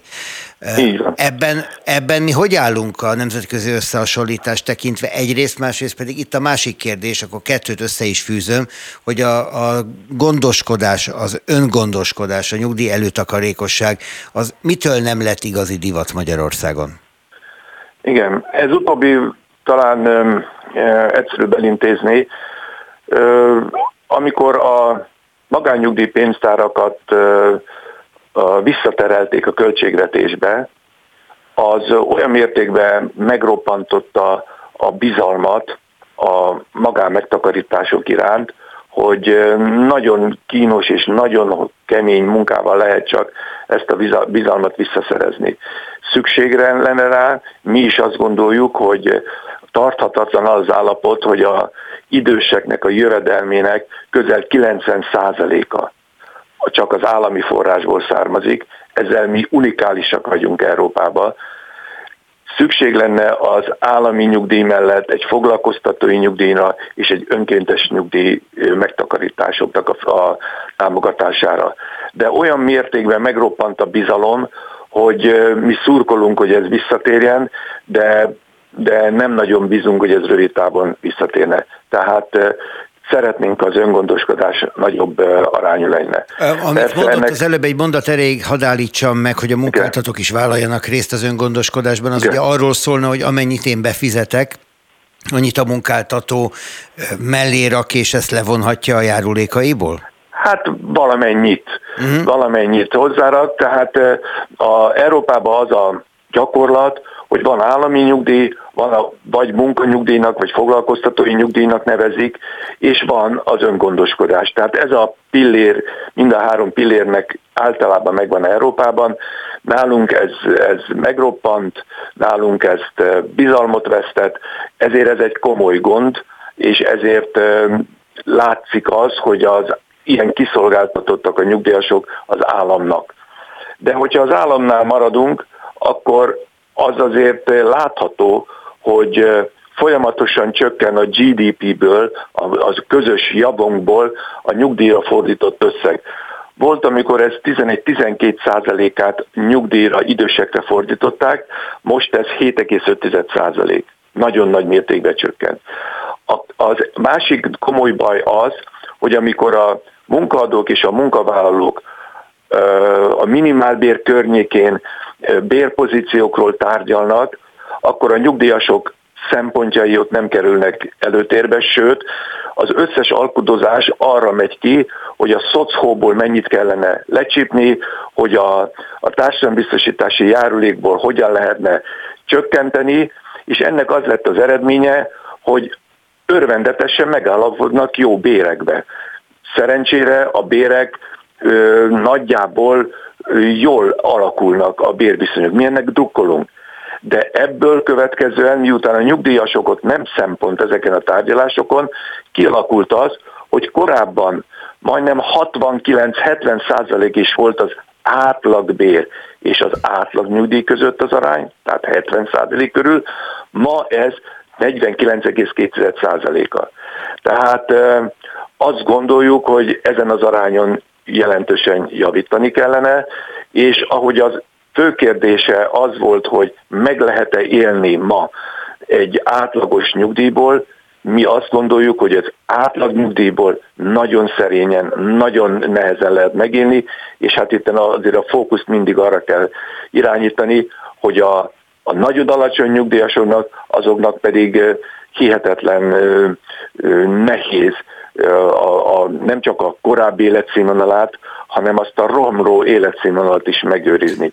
Amiről nem szoktunk beszélni, és most, hogy itt mi szót váltunk, most jutott eszembe nekem is, hogy Ugye ön azt állítja, hogy nagyjából a fele az átlag nyugdíj a korábbi átlag Igen. jövedelmének egy-egy polgárembernek. Igen. Ez azt is jelenti egyúttal, hogy azzal meg kell barátkoznia, hogy ő fele annyiból, fele annyira jól fog élni a nyugdíjas éveiben, mint amihez ő hozzászokott. És most az átlag az annyi, amennyi, ezt most, azt most ne is boncolgassuk. Ez lelkileg egy iszonyú nagy törés, egy borzasztó komoly teher egy embernek, aki hirtelen nyugdíjas, tehát hirtelen eleve másik élethelyzetbe kerül, és akkor azzal is szembesülnie kell, hogy össze is kell húznia magát, mert már nem telik annyira. Ezt, ezt, ezt, ezt, ezt hogy nagyon jól látja. Ezt hogy kezelik az emberek? Hát amit mi látunk, és itt a, találkozunk nagyon sok alacsony nyugellátással rendelkezővel, nagyon-nagyon szívfacsaró történeteket mondanak, hogy, hogy vissza kellett zuhanniuk szinte egy évszázadra. Hogy példákat mondjak, nagyon sok nyugdíjas nem kapcsolja már be a mosógépet, mert nincs pénze, hanem teknőbe mosnak. Hogy, hogy a, hozzá kell nyúlni a féltve és forintonként összerakott, a temetésére félrerakott pénzre. Mert van egy olyan önbecsülése majdnem mindenkinek, hogy nem akar terhet hagyni a fiainak, vagy gyermekeire, és, és kuporgatja, hogy és büszke arra, és mutogatja a bögrét, amiben ott van, hogy ez félrerakta a temetésére, hozzá kell nyúlni. El kell mennie, és elvinni az utolsó értéktárgyát a szüleitől megörökölt zsebórát, vagy karórát, vagy, vagy nyakláncot, vagy valamit beadni a zaciba, elhanyagolja teljesen az egészségét, nem megy el szűrésre, nem váltja ki a gyógyszereit, Szóval nagyon-nagyon drámai az, az alacsony nyugellátásban részesülteknek a, a élete, és ebben ez nem kevés. 100 ezer forint alatt 506 ezer ember kap 100 ezer forint alatti nyugellátást. Az ő sorsuk a, a rendkívül szívszorító, és hogyha van társadalmi összefogás, akkor ezeken kellene segíteni. Mi minden javaslatunk arra, nekünk minden javaslatunk arra terjed, hogy alapvetően ezekre fókuszáljunk, itt kell a segítség. Köszönöm, hogy ezeket elmondta, és ezekről beszélgethetünk. Ez utóbbi témáról, tehát a, a, a lelki törésről szerintem Igen. szintén érdemes lenne egy kicsit. A szégyen. Az, azt, azt tapasztaltuk, hogy szégyellik ezek az emberek, hogy ők nekik ilyen életkörülmények között, és ezt a szégyen próbálják leplezni fiaik előtt, barátaik előtt, szomszédaik előtt. De ott van a lelkükben a szégyen. Miközben nem ő nekik kell magukat szégyelnie. Karácsony Mihályt hallották a nyugdíjas parlament elnökét. Köszönöm szépen. Köszönöm szépen a érdeklődést. Friss hírek, információk, beszélgetések. A Spirit FM reggeli műsora. Indítsa velünk a napot, hogy képben legyen. A műsorvezető Rónai Egon. A legtöbb bizalmi indikátor értéke javult a Makronóm Intézet friss februári gazdasági monitor elemzése szerint, bár az értékek még mindig a hosszú távú átlag alattiak. Az infláció és a növekedési kilátások szempontjából ugyanakkor pozitív fejlemény, hogy tovább enyhült a nyomás a globális ellátási láncokon. Regős Gábor, a Makronóm Intézet szakmai vezetője a vendégünk. 8 óra 33-kor köszöntöm Önt, jó reggelt kívánok! Jó reggelt kívánok, köszöntöm a hallgatókat. Az üzleti bizalom az azt jelenti, hogy mennyire hisz egy-egy cégvezető abban, hogy jobb lesz? Nem csak abban, hogy jobb lesz, hanem hogy mennyire jó, tehát az üzleti bizalomnak általában vannak jövőre, közelmúltra és jelenre vonatkozó kérdései, hogyan alakult a gazdaság helyzet az elmúlt 3-6-12 hónapban, hogyan fog alakulni. Hát nyilván sok ilyen bizalmi index létezik, mindegyik egy kicsit más, de azért nagyjából ezek a hasonlóságok rákérdez a múltra, rákérdez a jövőre, és mondjuk rákérdez a gazdasági teljesítményre, iparági helyzetre, akár arra, hogy hogy alakulnak az ellátási láncok, tehát itt mindegyiknek vannak sajátosságai, de azért vannak ilyen közös vonások. Az önök anyaga is rámutat arra, hogy az Európai Bizottságnak van egy friss előrejelzés a Magyarországgal kapcsolatban, éppen, hogy elkerüljük a recessziót, viszont jövőre már 2,6%-os növekedéssel számol az Európai Bizottság is Magyarország tekintetében. Ha ezeket az adatokat nézzük, ez a növekedés ugye jóval alacsonyabb, mint a korábbi volt, de legalább növekedés, tehát nem hullik recesszióba az ország, ami foglalkoztatási, inflációs, mindenféle láncolati kérdéseket felvet egy-egy vállalatvezető vezető tekintetében. Ez tükröződik vissza, ez a fajta bizalom? Így van, részben ez tükröződik vissza, és hát ugye azt látjuk valóban ezeken az indexeken, hogy volt egy mély pont így a tavaly évnek a második felében mondjuk úgy ősszel, és azóta azért mindenhol van kisebb-nagyobb javulás. Ez persze nem azt jelenti, hogy nagyon bizakodóak a vállalatvezetők vagy a háztartások. Nem azt jelenti, hogy mindenki azt gondolja, hogy minden szép és minden nagyon jó, csak most már nem annyira borulátóak, mint voltak a tavasszal. Ebből valóban az is következik, hogy a recessziós kilátások is javultak, tehát kisebb valószínűséggel gondolnak recessziót. Ugye az Európai Bizottság előrejelzése az idei évre 0,6%-os, a jövő évre pedig 2,6%-os növekedést valószínűsít Magyarországnak. Hát persze ugye ebben a volatilis időszakban azért nehéz előrejelzést készíteni, ezt mi magunk is tapasztaljuk, de ez mindenképpen abból a szempontból is egy jó jel, hogy azért az Európai Bizottság általában nem túlbecsülni szokta a magyar növekedést. Hát általában az óvatosabb duhaj kategóriába tartozik ezügyben a bizottság, nem csak Magyarország tekintetében, még az Európai Uniós átlag tekintetében is gondoljunk csak arra, hogy a német adatokat hogy alábecsülték egy évvel ezelőtt, aztán mennyivel jobb lett 2022-ben a német gazdaság teljesítő képessége. Viszont az önök anyagában találtam valamit, ami, ami több mint érdekes, 52,2%-ra teszik a magyarországi egészen kiemelkedően magas inflációból az ország specifikus tényező, tényezőt, és valamivel kevesebb, mint a felére 47,8-ra a háború és a szankciók által okozott inflációs nyomást.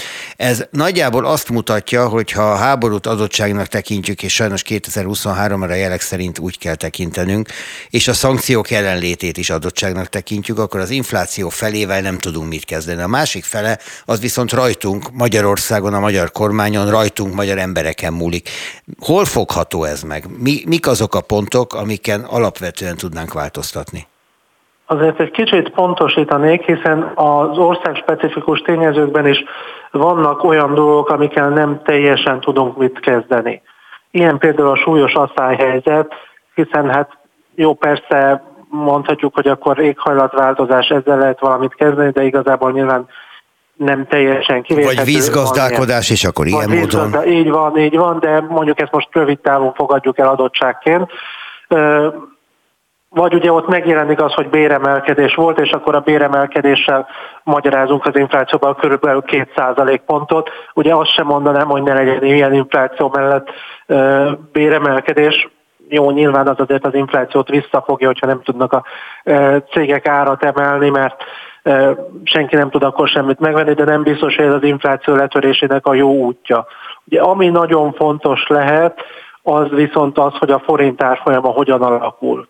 Ugye itt pont a tegnapi napon azért kedvező folyamatok zajlottak, tehát nem mondom azt, hogy nagyon erős a forint, ugye ilyen 375 körül jártunk, hogyha azt nézzük, hogy egy évvel ezelőtt ennél valamivel erősebb volt, de már nem sokkal, ugye viszont októberben egy 430 körüli mély ponton voltunk, ahhoz képest azért látható egy erősödés, ez az infláció szempontjából jó dolog. Nyilván számít az is, hogy a kormányzat mennyire élénkíti a keresletet, mennyire nem élénkíti a keresletet, hát idén azért annyira nem fogja, mint tavaly, remélhetőleg adóemelések sem lesznek, és ugye még egy érdekesség van ezen az oldalon, tehát amilyen ország specifikusabb, ez a profit húzta infláció, tehát hogy a elnézve az élelmiszeripar részben pedig a kereskedelem ugye mennyire használja ki azt a lehetőségét, hogy tud árat emelni, mert ugye egyrészt csúnyán mondva szezonja van,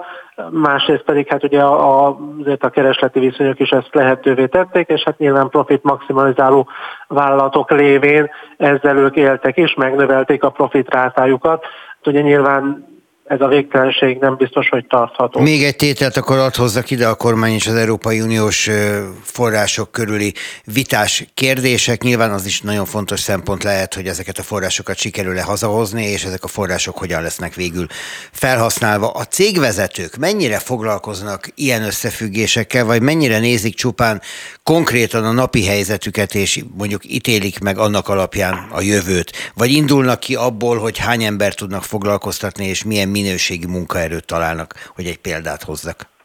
Hát azért sok mindent néznek a cégvezetők, de ez persze cégtől is függ, hiszen egy cégnél nagyban függ attól például, hogy mennyire nézik a napi adatokat, hogy mennyire exportál, importál, nem exportál, nem importál, tehát cégtől függően más a helyzet. Végeztünk egy vállalati felmérést is, itt azért a cégvezetők azt mondták, hogy az energiaárak a legsúlyosabb probléma, ezt követi az infláció, és ezt követi csak a munkaerővel kapcsolatos kérdések, tehát a megfelelő minőségű munkaerő rendelkezés állása, illetve a munkaerőköltség.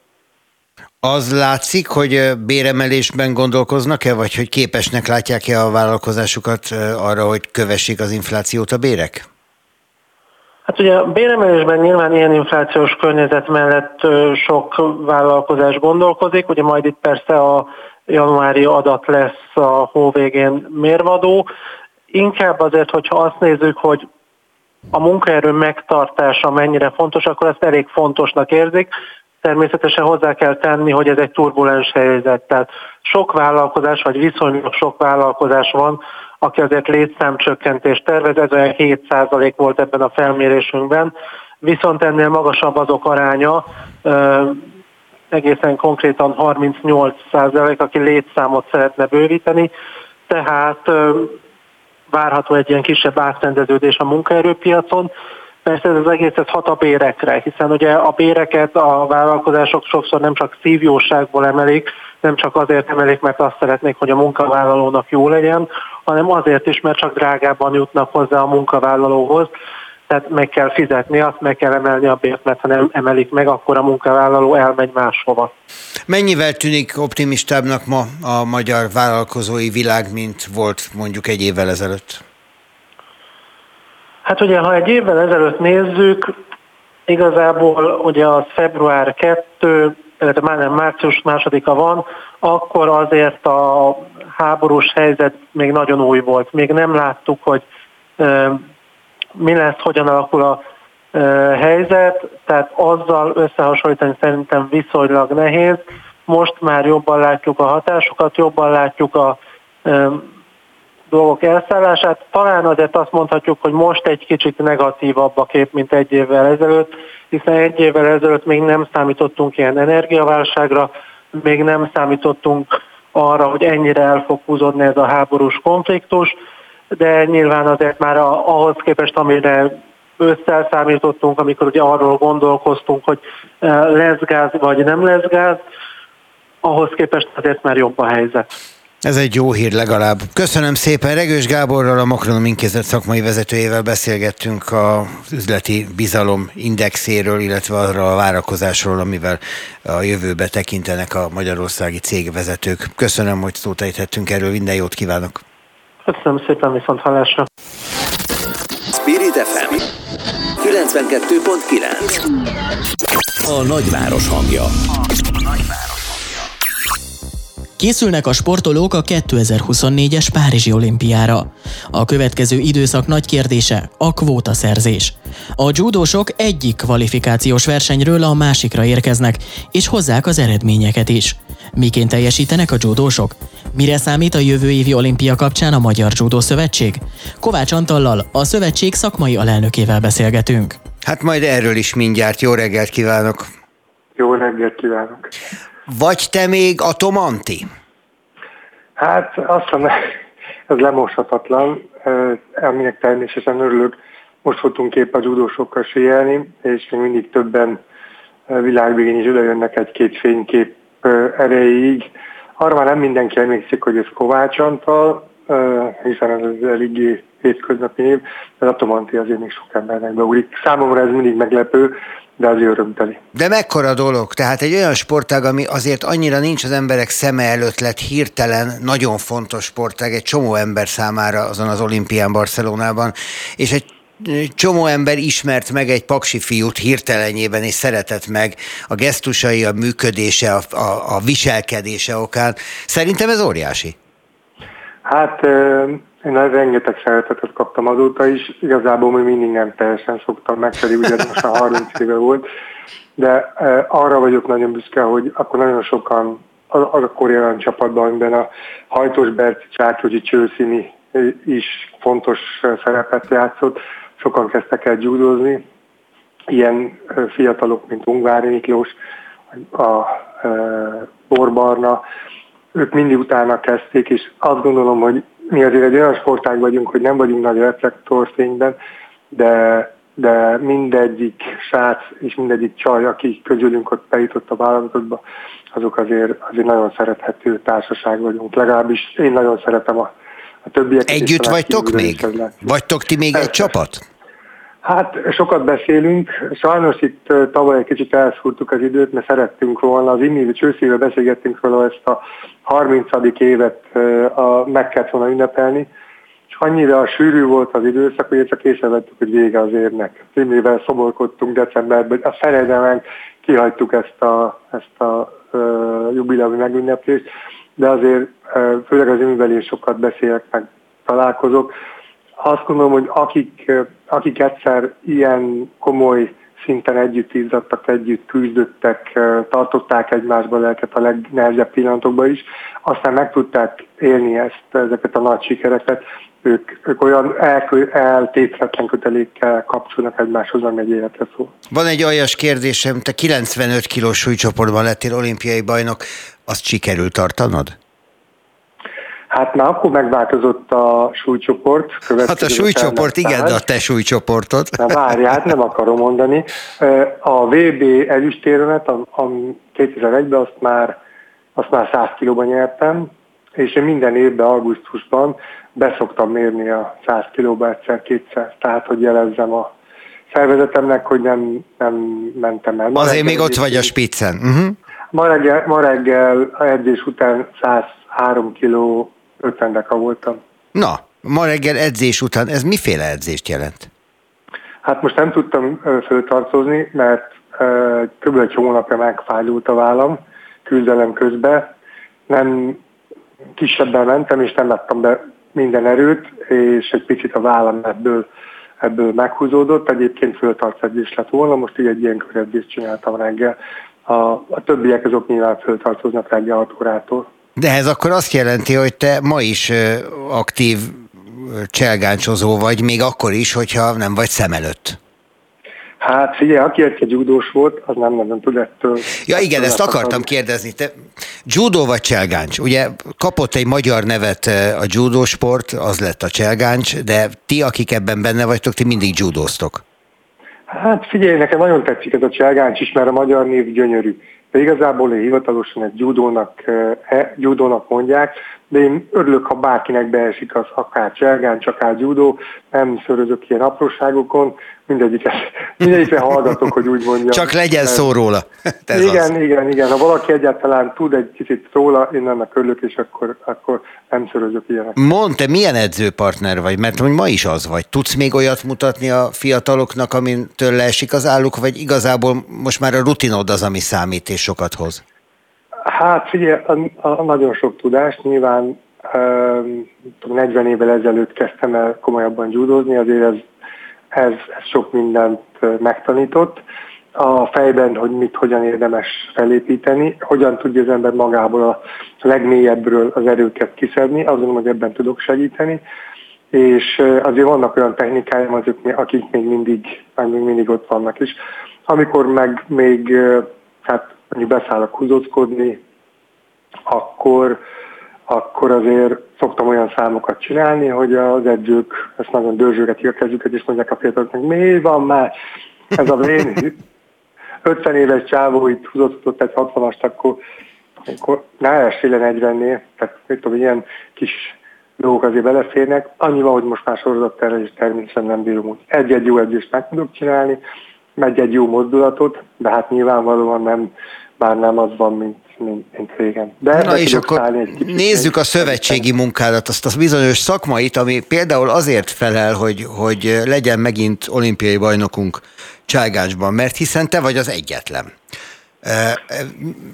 Akkor azt hittük, ugye ott egy, egy jó szériában voltunk, ugye előtte levő napon, vagy egy vagy talán két nappal korábban lett nekünk egy bronzérmünk is judóból, az pont Csőszimre, akit említettél az előbb, és akkor úgy nézett ki, hogy ez egy erős sportága lesz a magyar sportnak, és hát azóta sincs több. Ez miért van? Hát erős sportág a, a judó, és nem csak az olimpiai érmedménységet kell nézni, hanem azt a félye, féles társadalmi beáldozódást, amit a judó az elmúlt mondjuk három évtizedben tudott. Tehát nagyon sok iskolában vagyunk, ott rengeteg gyereket tanítottunk meg judózni, és ez egy ilyen életformás történet lett a judós tábor nagyon, nagyon nagyra nő. Ez együtt azért a, a, az olimpián nagyon kiegyensúlyozott a mezőny, most már majdnem 30 ország nyer érmet, és én azt gondolom, hogy itt mondjuk, ha magyarok mindig tudnak egy-egy érmet, egy-egy pontszerző helyezést elérni, akkor, akkor, akkor nem, nem végzünk rossz munkát. A, a londoni olimpia az megint egy ilyen jó sikerült olimpia volt, amikor amikor lett ezüstérem, bronzérem, Mungvár, Miki Csárnovicki lett 5.-7. hely, azért az erős volt, és a, most megint van egy-két olyan, olyan ember, akiből azért, akiből azért lehetnek érnek. A judóba az, hogy aranyérem, azt nem lehet mondani. Én például nem 92-ben voltam a legjobb az életemben, azon az egy napon igen, de mondjuk az évet nézzük, akkor még nagyon fiatal voltam, még junior, azon az egy napon kaptam egy ihletet, és meg volt. Talán amikor legjobb voltam, az 2004-ben volt, akkor pedig nem sikerült. Tehát itt azt mondom, hogy nem lehet azt mondani, hogy bár nekünk most legjobb a Tóth Krisztián, vagy a, a, a lányoknál a, a Pupréka, de nem lehet megmondani, hogy ki fogja itt az érmet nyerni, vagy akár az aranyérmet. Azt tudom mondani, hogy a csapatunkban van egy, egy, egy szerintem jó kiegyensúlyozott csapat, ahol Ungvári Attila a Mikinek az öccse, aki szintén már nem fiatal, egy nagyon stabil, megbízható, ő a, a rangidős, a legidősebb, tehát van ilyen idősebb, meg vannak egészen fiatalok is. Ott van a Tóth Krisztián, aki most van erre a teljében, Végzsombor egy feltörekvő fiatal, ott van még a Cédenics Miki, a lányoknál még elképzelhető, hogy a Karakas Hédi is beszáll, de vannak fiatalok, akik már komoly eredményeket mutatnak. És azt gondolom, hogy így az egész csapat szintén lehet azt mondani, hogy van ebben a csapatban mondjuk négy, akár négy éremesély, és ebből összejöhet egy vagy kettő. De uh-huh. hogy ez melyik kettő, azt most nem tudnám megmondani. Pakson miattad ennyire erős a, a judo sport? Pakson, vagy... Pakson hagyományos, hagyományosan. Nálunk volt először egy iskolai rendszer. Tehát a Bezeridi általánosiskolában ma is a mindennapos testnevelésben mindenki megismerhető a judóval. Van egy elég komoly tanulmány, a portugál-spanyol sok ezeres számom kimutatta, hogy aki megtanul alapszinten mondjuk esni, annak 30 tehát kétharmaddal kevesebb a esésből bekövetkezett végtagsérülés. Na ez már egy alapelőn, tehát Pakson ez iskolai szinten oktatják, és ebből az iskolából jönnek ki, ebből jött ki a, a Braun Ákos, ugye két világbajnok van Magyarországon, a másik az az Ákos, szintén Paksi, és ö, ö, sorba jönnek azok a fiatalok, innen jött ki egyébként a, a Pupréka is, aki most a világranglista harmadik helyén van, nemrég első volt, és nagyon esélyes a, a jövő sikerekre. Tehát kisváros vagyunk, de Hangyási Laci bácsi csinált egy olyan műhelyt, ahol, ahol azért nagyon jó meló folyik, nagyon jó hangulatban, és most hát a fiatalok is igyekeznek ebbe a, ebbe a menetbe bele. Hangyási Laci bácsi volt a te nevelőedződ is. Hát nem a... Talán Tóth Béla mellett, ha, ha igen, jól, jól jövök a nevekkel. Fodor, nagyon, nagyon jó tudod, Fodor Józsi volt kiskoromban, aztán a, a Tóth Béla, és utána jött a Hangyási uh, Laci bácsi, 14 éves korom körül, és onnantól végig. És hát nagyon, nagyon meghatározó, hát most gyakorlatilag én a, a dolgok 80%-át tőle tanultam. Hmm. A többit meg hozza az élet, a versenyek, a maga a sport igen, nyilván, igen, persze. Igen, igen, igen. Az, hogy Az, hogy vannak minták, vannak példák egy sportákban, egy ilyen városban, mint Paks, az nyilván nagyon fontos, tehát az, az nem véletlenül, hogy Pakson stabilan van kosárlabda, hogy stabilan van judo, ez nyilván nem csak a támogatás kérdése, ez nyilván egy iskola is. Azt, hogy a, a judo mennyire lett gyökeret vert különböző helyeken, abban mennyi a szövetségi felelősség? Mert ugye hát itt látjuk a paksi példát, azon múlik, hogy hogy építem fel, hogy mennyire teremtek hagyományokat. Igen, ebben a tekintetben régen ez esetleges volt. De az elmúlt tíz évben egy szisztematikus építkezést folytatott a magyar judo. Igazából területi alapon igyekszünk, tehát olyan megyei edzői rendszert építettünk ki, hogy minden helyen eset, az adott esetben az eredménytől függetlenül támogatást adunk edzőknek, támogatást adunk kiskluboknak, judoruhában, szőnyegben azért, hogy gyökeret tudjon ereszteni a, a, a sportág. És így most már nagyon-nagyon széles, és egy ilyen regionális központokat igyekszünk képíteni, és életutakban gondolkodva igyekszünk olyan rendszert kitalálni, hogy a, a, a kisebb klubok megtalálják a számításukat az egész rendszerbe, minél több embert tanítsanak meg gyúdozni, és nem, nem feltétlenül azzal a célral, hogy mindenkiből olimpiai A te gyermekei judóznak? Ugye van hát a három, ha jól tudom. Igen, a nagylányom kosárlabdán vitt Bezeli judóiskolába, természetesen megtanult alapszinten judózni. Azért nem úszta meg ő se. És, nem úszta meg, és egyébként nagyon tehetséges lett volna, valahogy így játék játszottunk, és a nagy belső rugdobást annyira érezte, pedig ez egy nehéz dolog, hogy mondtam neki, hogy hát kislányom, lehet, hogy ki kéne próbálni, de nem, ő kosarazik. A két fiú az meg, hogy, hogy nem a kettő gyúdózik, úgyhogy Na jó, akkor, akkor legalább az utánpótlás garantált és rendben lesz. De nem, legalábbis de kívánom nem, nem, nekik. Kötelező, nem kötelező jelleggel, nem szabadon választani. Erre szokták mondani, hogy nem kötelező, de erősen ajánlott. hát majdnem. Örülök, hogy beszélhettünk. Legyen igazad a négy éremeséjel Párizsra, mert hogy ez volt az apropója, de én nem bírtam ki, hogy ne igazából rólad meg a sportágról beszéljünk jobban. Aztán majd Párizs úgyis közeledik, és még odébb van. Na, köszönöm szépen. Köszönöm, hogy hát örülök, hogy beszélhettünk. Kovács Antalal, Atomantival beszéltünk róla, meg a judóról. Szervusz, köszönöm, hogy itt voltál Szia, velünk. Köszönöm szépen. És akkor most búcsúzom a kedves hallgatóktól is. Köszönöm a segítséget a szerkesztés Somodi Solymos Eszternek és a technikai felügyeletet Kátai Kristófnak. Kellemes napot kívánok Önöknek, és abban a reményben köszönök el, hogy holnap reggel ugyanebben az időpontban együtt leszünk, mert én itt leszek. Minden jót kívánok!